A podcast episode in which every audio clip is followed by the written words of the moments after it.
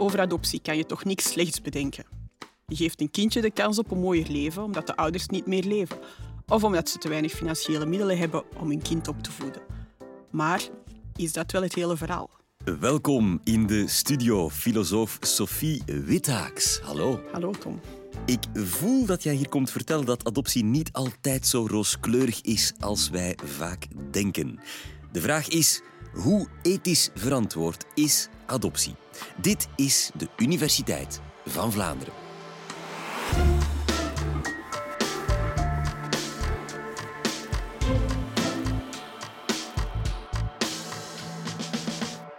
De meeste mensen hebben wel een idee van wat adoptie is. Je kent misschien mensen die een kindje geadopteerd hebben. Misschien ben je zelf wel adoptieouder of misschien ben je zelf wel geadopteerd. En zelfs als dat allemaal niet zo is, heb je vast wel eens een ontroerende film gezien over geadopteerden, die dan hun familie terugvinden en huilend in elkaars armen vallen. Interlandelijke adoptie, dat betekent een adoptie over de grenzen heen. Een kind wordt overgebracht vanuit zijn of haar eigen land om in een ander land geadopteerd te worden. Het idee lijkt simpel en het lijkt allemaal iets heel mooi en heel eenvoudig. Adoptie biedt een thuis aan weeskinderen die er geen hebben. Vele van die kinderen komen uit arme landen, dus adoptie redt hen ook van een leven vol miserie. Voor mensen die op een andere manier geen kinderen kunnen krijgen, lijkt adoptie een goede manier om toch een gezin te kunnen stichten. En sommige van die kinderen hebben dan wel een ander kleurtje, maar liefde kent toch geen grenzen. Onderzoek toont ook aan dat geadopteerden het in het algemeen goed doen. En bovendien zijn er regels en organisaties die ervoor zorgen dat alles correct verloopt. Maar is het wel zo simpel? Is dat het hele verhaal? In deze bijdrage wil ik uitleggen dat er achter interlandelijke adoptie wel veel problemen schuilgaan en dat het belangrijk is om dit systeem grondig te herdenken. Wat ik hier ga vertellen is gebaseerd op onderzoek dat ik uitvoer naar dit thema ik heb onder andere meegewerkt aan een onderzoek in opdracht van de Vlaamse regering. Dat onderzoek had als doel om wanpraktijken te onderzoeken en om voorstellen voor de toekomst te formuleren. En zelf kijk ik daarbij vooral naar ethische vragen en dilemma's die adoptie oproept. En die zijn er niet alleen in België, maar in alle landen die betrokken zijn bij adoptie. Nu, de laatste jaren zijn er heel wat discussies over adoptie en ook een aantal andere landen zijn onderzoeken gestart naar wanpraktijken. Dit gebeurde bijvoorbeeld in Nederland. En we kunnen de tijd, de klok niet terugdraaien, helaas. Uh, fouten zijn gemaakt. Ik vind dat de overheid daar tekort is geschoten. Onderzoek heeft hier aangetoond dat er systematisch wanpraktijken gebeurden en dat zelfs hooggeplaatste Nederlandse ambtenaren hiervan op de hoogte waren. Er werd beslist om adoptie even helemaal stop te zetten. Ook Zweden en Zwitserland voerden onderzoek naar wanpraktijken, boden excuses aan slachtoffers aan en denken grondig na hoe het nu verder moet. In Vlaanderen hadden we dus het onderzoek waar ik aan meewerkte, maar nu is er ook op niveau van de Belgische regering de vraag om een nog groter onderzoek in te stellen naar illegale adopties. Nu, ik heb het woord wanpraktijken al een paar keer in de mond genomen, maar wat bedoelen we daar juist mee? Met wanpraktijken bedoelen we zaken die de rechten van het kind schaden, maar die toch gebeuren binnen het bestaande adoptiesysteem. Concreet gaat het bijvoorbeeld om onzorgvuldigheid bij het opstellen van dossiers, maar ook fraude, vervalsen van documenten, Bijvoorbeeld documenten zeggen dat een kind een wees is, terwijl dat helemaal niet zo is. Foute namen of geboortedata, geen informatie over de reden voor de adoptie. Het kan ook gaan om omkoping. Bijvoorbeeld, men gaat giften geven aan tussenpersonen of instellingen die dan kinderen gaan leveren in ruil voor geld. Uitoefenen van druk en dwang op ouders om hun kind af te staan of misleiding. Dus bijvoorbeeld, ouders stemmen wel in met adoptie, maar ze weten eigenlijk niet goed wat dat betekent. Ontvoering en menshandel, het echt weghalen van kinderen bij hun ouders en hen via adoptie het land laten verlaten en er dan ook nog geld aan verdienen. En de ergste gevallen, die ik toch zelf eh, zeer chockerend vond, zijn babyfarms. Dus dat waren situaties waarin vrouwen met opzet zwanger gemaakt werden om die baby's vervolgens te laten adopteren. Dit is onder andere gebeurd in Sri Lanka en in Nigeria. Dit is het oude ziekenhuis van uh, Matugama is een uh, hele arme streek. En hier zijn honderden, honderden kinderen verkocht aan onder andere de Nederlandse adoptieorganisaties. Laten we eens kijken naar een paar recente voorbeelden uit België. Ja, uh, ik ben Theresa en ik ben geboren in Ethiopië. Dus ik ben 17 jaar. ook al ben ik geen wees, niemand weet precies wanneer ik geboren ben. De directe aanleiding van het onderzoek van de Vlaamse regering was de getuigenis van de toen 17-jarige Theresa. Teresa werd in 2009 geadopteerd vanuit Ethiopië. Zij was daar enkele jaren eerder in een weeshuis geplaatst en dit door toedoen van een man die naar haar dorp was gekomen en haar ouders en ook andere ouders had overtuigd dat hij hun kinderen een beter leven zou geven.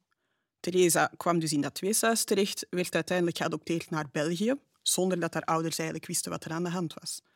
Toen Teresa haar ouders terug ging opzoeken, kwamen ook de andere ouders naar haar toe om te vragen of ze wisten waar hun kinderen waren, want die waren allemaal verdwenen via adoptie. Chaque anniversaire, on se pose la question est-ce qu'elle pense à moi Est-ce qu'elle m'a Een ander voorbeeld is de getuigenis van Colline Fanon. Zij getuigde onlangs in het Belgisch parlement. Zij werd geadopteerd uit Guatemala in 1987. Direct na Collins geboorte werd aan haar moeder verteld dat haar baby gestorven was en begraven in een massagraf. Colleen ontdekte dit verhaal pas toen ze op zoek ging naar haar familie. En ze ontdekte ook dat op die manier duizenden kinderen geadopteerd werden uit Guatemala en dat hooggeplaatste personen hieraan meewerkten. En nog een heel recent voorbeeld, Congo in 2015. Ook hier werd aan Congolese ouders verteld dat hun kinderen naar een vakantiekamp gingen. Maar in werkelijkheid belanden ze ook in een weeshuis en werden ze naar België geadopteerd. Dit gebeurde met medeweten van de adoptiedienst en van ambtenaren in België. Nu, ik kan een lange lijst van landen geven waaruit geadopteerd wordt. India, Zuid-Korea, China, Brazilië, Ethiopië, Oeganda, Congo, Haiti, Vietnam. De lijst van landen waarin wanpraktijken gemeld worden is ellenlang en het is eigenlijk heel moeilijk om een land te vinden waarin men geen wanpraktijken kan vinden. Die wanpraktijken deden zich voor in 1950, 1960, 1970, 1980, 1990, in de jaren 2000, tot nu, tot op de dag van vandaag. En ze zijn dus niet gestopt door het opstellen van verdragen en het beter regulariseren van adoptie.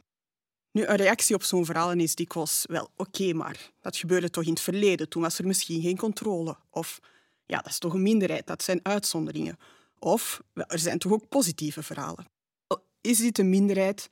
Eigenlijk kan niemand dat zeggen, want we weten zelfs niet hoeveel kinderen er geadopteerd zijn in België. Er is nog nooit een diepgaand onderzoek uitgevoerd. Maar wat wel duidelijk is, is dat dit om heel ernstige zaken gaat. Dit gebeurt systematisch, het is al jaren aan de gang en het gebeurt binnen het bestaande adoptiesysteem. En het kan best dat er positieve ervaringen zijn, maar dat doet er eigenlijk niet toe.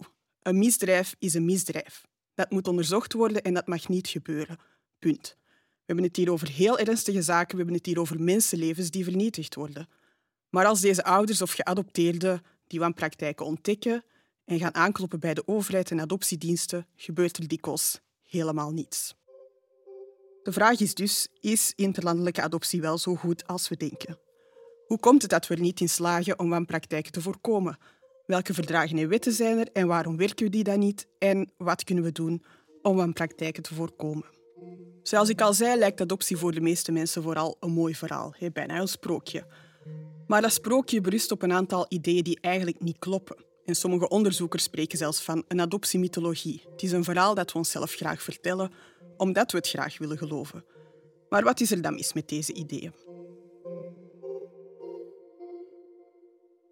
Ten eerste, er is het idee dat adoptie de enige oplossing is voor miljoenen weeskinderen die wegkwijnen in ondermaatse instellingen in arme landen. Maar een belangrijke bevinding is dat veel van de kinderen in deze instellingen helemaal geen weeskinderen zijn. Die aantallen worden dikwijls gehaald uit onderzoeken van UNICEF. En inderdaad, in 2015 telde UNICEF zo'n 140 miljoen wezen. Maar UNICEF gebruikt eigenlijk een heel brede definitie van wezen als minderjarigen van wie ofwel één ofwel beide ouders zijn overleden. Van die 140 miljoen kinderen zijn er eigenlijk maar 15 miljoen die helemaal geen ouders meer hebben. Zijn er nog altijd heel veel natuurlijk, maar dan nog hebben ze dikwijls nog andere familie die een rol spelen in hun leven. En dus komen die kinderen zeker niet allemaal in aanmerking voor adoptie. Ten tweede, we gaan ervan uit dat de eerste ouders of familieleden goed weten wat adoptie is en hier een bewuste keuze voor maken. Maar ook dat is een groot probleem. Want bij interlandelijke adoptie gaat het om kinderen die gewoonlijk afkomstig zijn uit armere landen. Soms gaat het ook om rijkere landen, zoals Zuid-Korea en de Verenigde Staten. Maar daar zien we dat die eerste ouders dikwijls in heel kwetsbare situaties zitten. Ze zijn arm, ze krijgen niet de hulp die ze nodig hebben om zelf voor hun kind te zorgen. En ze krijgen gewoon geen andere opties. Zuid-Korea bijvoorbeeld is een van de grote herkomstlanden van geadopteerden. En ja, dat is eigenlijk geen arm land. We zien dat het daar vooral gaat om kinderen van alleenstaande ongehuwde moeders. Dus waarom staan die hun kinderen af? Omdat alleenstaande moeders gezien worden als schandelijk. Ze hebben eigenlijk geen andere keuze dan hun kind afstaan. Maar in plaats van de situatie te veranderen, biedt adoptie dus een gemakkelijke oplossing. En er is als het ware een hele adoptieindustrie rondgegroeid. Dit is eigenlijk heel gelijkaardig aan wat hier in België gebeurde tot in de jaren 1970, zelfs jaren 1980. Ook hier was het lange tijd een schande om zwanger te worden buiten het huwelijk. Veel van die meisjes moesten verplicht hun kind afstaan. Hierdoor konden er dus vroeger ook zoveel binnenlandse adopties gebeuren. Maar ondertussen vinden we als maatschappij dat zo'n toestanden niet meer kunnen. We proberen ouders en kinderen zoveel mogelijk samen te houden, in plaats van ze te scheiden. Maar in het buitenland blijven zo'n situaties bestaan en adoptie houdt dat mee in stand. Een derde probleem. We stellen ons niet de vraag of het wel normaal is dat er zoveel kinderen in aanmerking komen voor adoptie. Het lijkt wel alsof er een onuitputbare voorraad is. Maar in feite is de vraag naar kinderen veel groter dan het aanbod. En dat zet een aantal problematische dynamieken in gang. We zien in een aantal landen, bijvoorbeeld in Oeganda, de laatste jaren een explosie van het aantal weeshuizen. Hoe komt dat? Niet omdat er meer wezen zijn, maar wel omdat kinderen en weeshuizen heel populaire goede doelen zijn. Dus er zijn mensen die er belang bij hebben om weeshuizen te openen en die dan ook vol te steken met schattige weesjes. En daar is ook een hele industrie rond gegroeid. Arme ouders brengen hun kinderen soms naar die instellingen gewoon omdat ze geen andere keuze hebben. Of iemand komt hen vertellen dat die kinderen daar naar een kamp gaan of een opleiding kunnen krijgen. Maar eenmaal kinderen in die instellingen belanden, is het heel moeilijk om hen er terug uit te krijgen. En tot ontzetting van sommige ouders gebeurt het dan dat die kinderen plots geadopteerd zijn naar het buitenland. Een vierde probleem. We horen graag positieve verhalen. We horen vooral graag dat geadopteerden het goed doen. En voor velen is dat ook zo. Maar het probleem is dat we de negatieve verhalen liever niet graag horen. Geadopteerden die klagen, die een dubbel gevoel hebben bij adoptie, die wanpraktijken meegemaakt hebben, die krijgen heel vaak te horen, maar je hebt het hier toch goed, je bent toch goed terechtgekomen, er zijn toch ook veel positieve verhalen. Zo'n antwoorden zijn eigenlijk een slag in het gezicht van die geadopteerden. Probeer je voor te stellen dat alles wat je denkt te weten over jezelf niet waar is, dat je hele identiteit een leugen is, dat je plots ontdekt dat je nog ouders hebt die leven terwijl je was gezegd dat ze dood waren, dat je broers en zussen hebt. Het is heel moeilijk om die informatie te verwerken. En zelfs als adopties wel correct gebeuren, is het belangrijk om te beseffen dat adoptie een heel ingrijpende gebeurtenis is. Het gaat niet alleen om het winnen van een nieuwe familie, het gaat ook om verlies. Verlies van je familie, van je land, van je taal, van je culturele achtergrond. Als geadopteerde moet je leren omgaan met je anders zijn, want je wordt dikwijls gezien als een vreemdeling. Dus ook achter de positieve verhalen schuilen dikwijls veel verdriet en trauma's en het kan soms jaren duren voor geadopteerden daar iets over durven zeggen. Vele geadopteerden voelen zich hier niet in begrepen en hebben het gevoel dat ze op dit vlak aan hun lot worden overgelaten. Dat zijn dus de problemen. Adoptie lijkt al veel minder op een sprookje.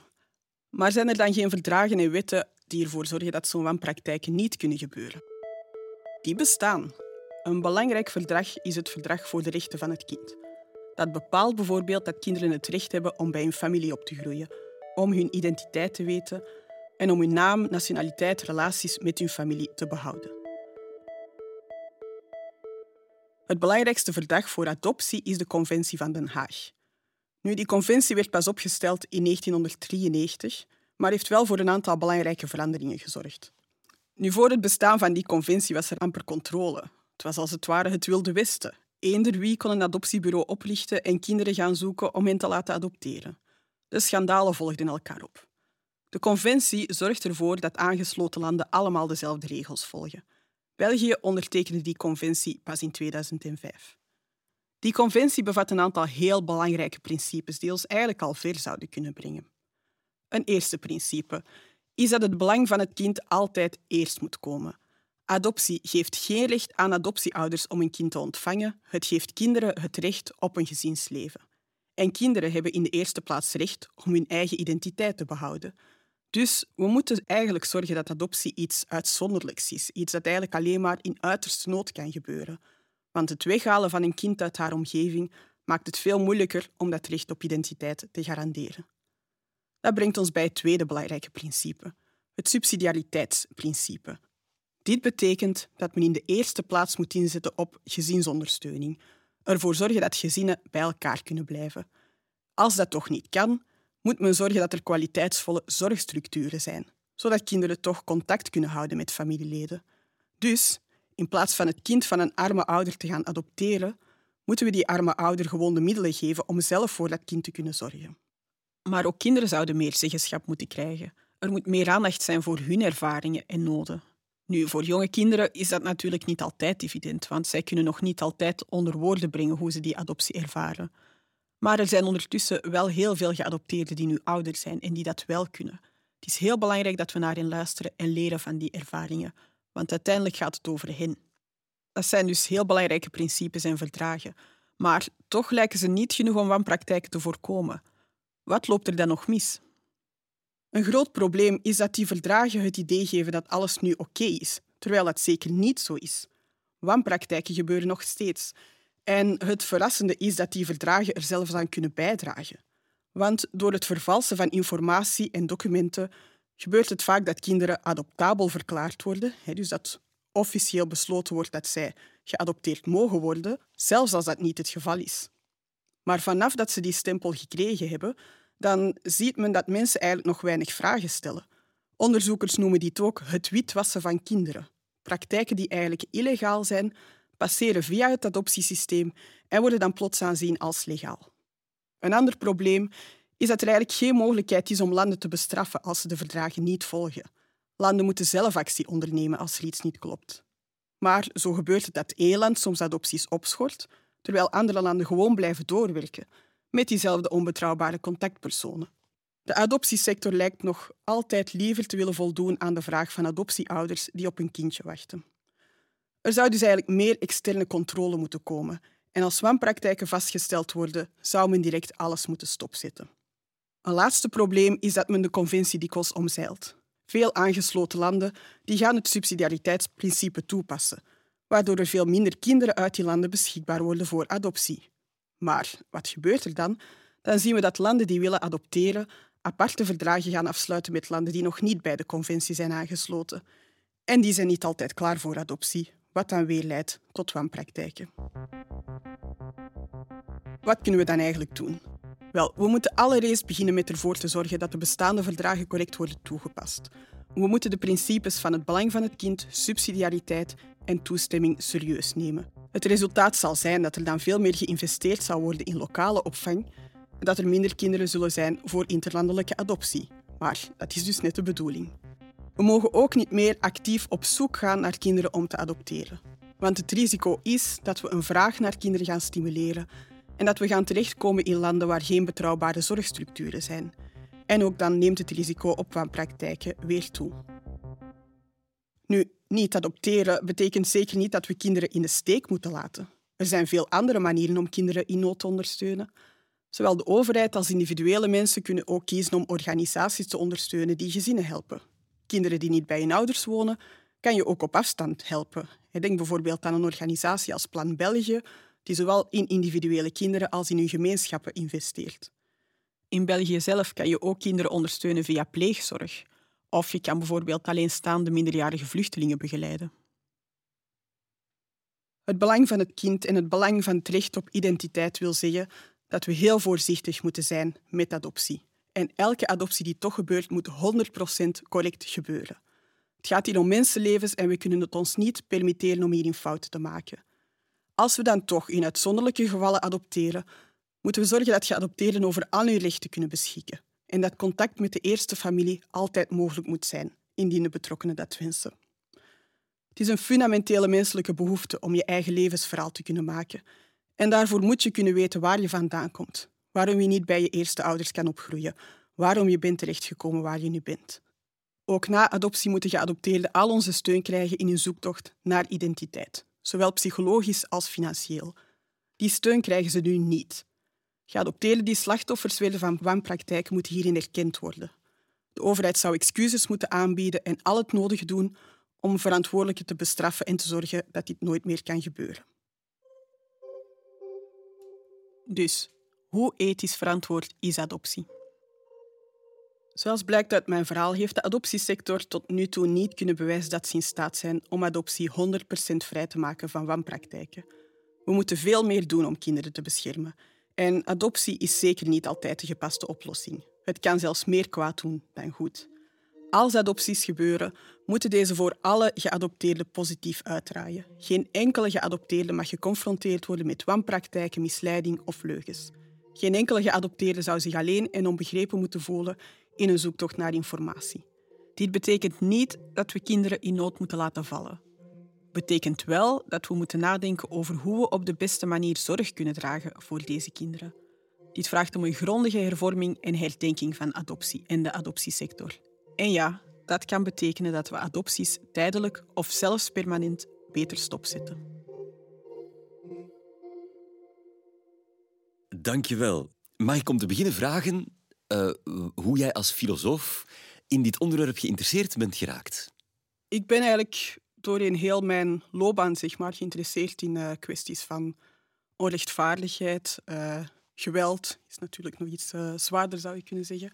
Um, sociale rechtvaardigheid. Dus ik heb veel onderzoek gedaan ook naar migratie, geweld tegen vrouwen. Het is eigenlijk een beetje rode draad in mijn carrière om te kijken naar onrecht en hoe we daar iets kunnen doen. Te begrijpen hoe dat onrecht ontstaat door hoe bepaalde instituties en organisaties werken en wat we daar als samenleving rond kunnen doen.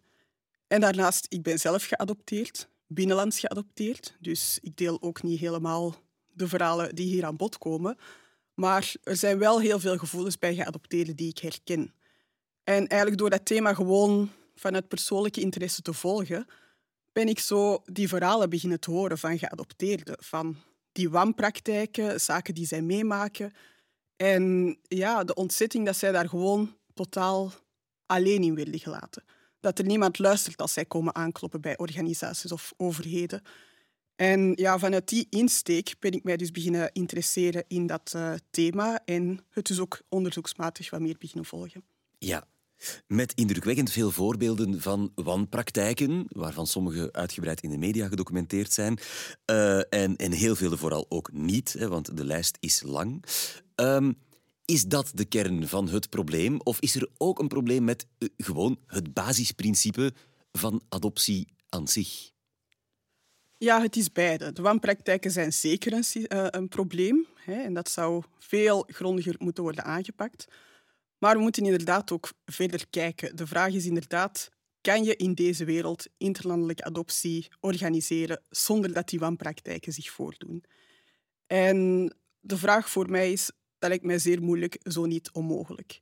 Um, het gaat om zo'n situaties van onrecht, onrechtvaardigheid, armoede, heel complexe problemen die natuurlijk ook niet gemakkelijk op te lossen zijn. Maar je ziet dan inderdaad dat adoptie in zo'n landen meer kwaad gaat doen dan goed.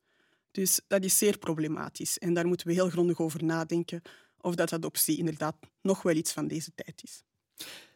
Aan de kant van de kandidaat, adoptanten, eh, ouders die graag een kind, wensouders die graag een kind willen adopteren, um, zit misschien ook wel eh, flink wat verantwoordelijkheid als je hoort dat sommige mensen nog steeds in dat sprookje geloven van we gaan een kind redden. Uh, ja, dan zijn ze gewoon slecht geïnformeerd. Dat zou niet meer vandaag niet meer mogelijk mogen zijn, dat iemand dat nog denkt. Nee, het is niet helemaal correct om daar de adoptieouders individueel verantwoordelijk voor te gaan stellen. Hè. Uh, dit is inderdaad, hè, dat sprookje is zo alomtegenwoordig in de samenleving. Dat is gewoon hoe mensen denken. Ik merk dat zelf ook als ik ga spreken of bij studenten in, in mijn lessen, dat veel mensen dat totaal niet weten en er echt van overtuigd zijn. Ja, maar dat is toch de beste oplossing of het beste ding dat je kan doen. Um, en ook de hele adoptiesector, de hele voorbereidingsfase, is altijd heel sterk gebouwd geweest op het idee van, kijk, adoptie is een alternatief als je zelf geen kinderen kan krijgen. Het idee dat die adoptabele kinderen er gewoon zijn. Dus dat is ook veel te weinig in vraag gesteld gedurende jaren. De laatste jaren begint daar wel wat verandering in te komen en men begint die boodschap ook wel mee te geven in de voorbereidingscursussen. Maar toch is het heel moeilijk om dat te laten doordringen bij mensen. En zeker mensen die te maken hebben met ongewenste kinderloosheid, die zelf al jaren bezig zijn. ja, natuurlijk schuilt daar ook heel veel pijn en verdriet achter. En is er dan de hoop van, vanaf dat we op die wachtlijst staan, gaat er vroeg of laat een, een kind komen. Dus in het geval van ongewenste kinderloosheid zou adoptie eigenlijk idealiter niet eens op het lijstje mogen staan van ah ja, dat is ook nog een optie voor mij. Ik denk dat het wel gezegd mag worden, maar er moet een mentaliteitsverandering gebeuren. In die zin dat je heel goed moet beseffen, als ik mij kandidaat stel voor adoptie, dan stel ik mij open om een kind in nood te ontvangen als het nodig is. Maar met de wetenschap dat we zoveel mogelijk gaan proberen om te vermijden dat die noodsituatie er komt. Dus je moet beseffen dat als je dan nog kandideert, dat de kans klein is of dat de kans er is dat je nooit dat kind gaat krijgen. En als je met die insteek natuurlijk daarin stapt, dat is een heel andere insteek dan dat je toch gaat blijven hopen dat er ooit een kind gaat komen. Dus het is echt het, uh, het omdraaien van de situatie. Zeggen van oké, ik stel mij bereid met alle onzekerheid die hierbij komt kijken. Um, vergelijkbaar met pleegzorg eigenlijk. Hè. Zo werkt het daar ook. Je stelt je kandidaat. Um, als er een kind komt dat past bij jouw gezinssituatie en dat die nood is, dan komt dat. Maar er wordt jou evengoed heel duidelijk gezegd van het kan dat jij hier gewoon jaren op die lijst gaat staan of altijd op die lijst gaat staan zonder dat die situatie zich voordoet. Dus als die bereidheid er kan zijn, als mensen dat willen doen, dan kan het wel werken. Maar vanaf dat die druk er blijft, en dat gebeurt ook op politiek vlak, hè, dat die adoptieouders echt die druk blijven uitoefenen en vandaar dat men dus gaat blijven zoeken naar kinderen in die landen, dan wordt het heel problematisch. En dan hebben adoptieouders ook wel een verantwoordelijkheid in dat proces. We hebben het nu gehad over interlandelijke adoptie, adoptie uit het buitenland. Jij bent zelf binnenlands geadopteerd. Er worden elk jaar in Vlaanderen nog ongeveer twintig kinderen uh, binnenlands uh, geadopteerd volgens datzelfde systeem. Doen zich daar dezelfde problemen en vraagstukken voor? Want dat is een, een iets minder bekende wereld voor veel mensen.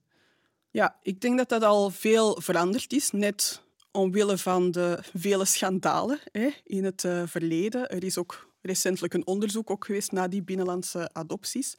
Um, we hadden hier dus toestanden zoals we nu in Zuid-Korea hebben of in uh, andere landen waar heel veel verdriet achter schuilt.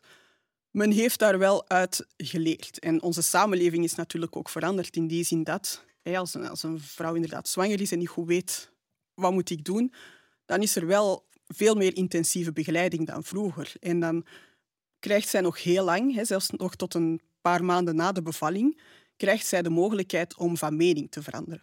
En natuurlijk is dat dan ook weer moeilijk voor de mensen die zich dan kandidaat stellen om dat kind op te vangen. Maar die weten dat wel, die worden daar heel goed over geïnformeerd.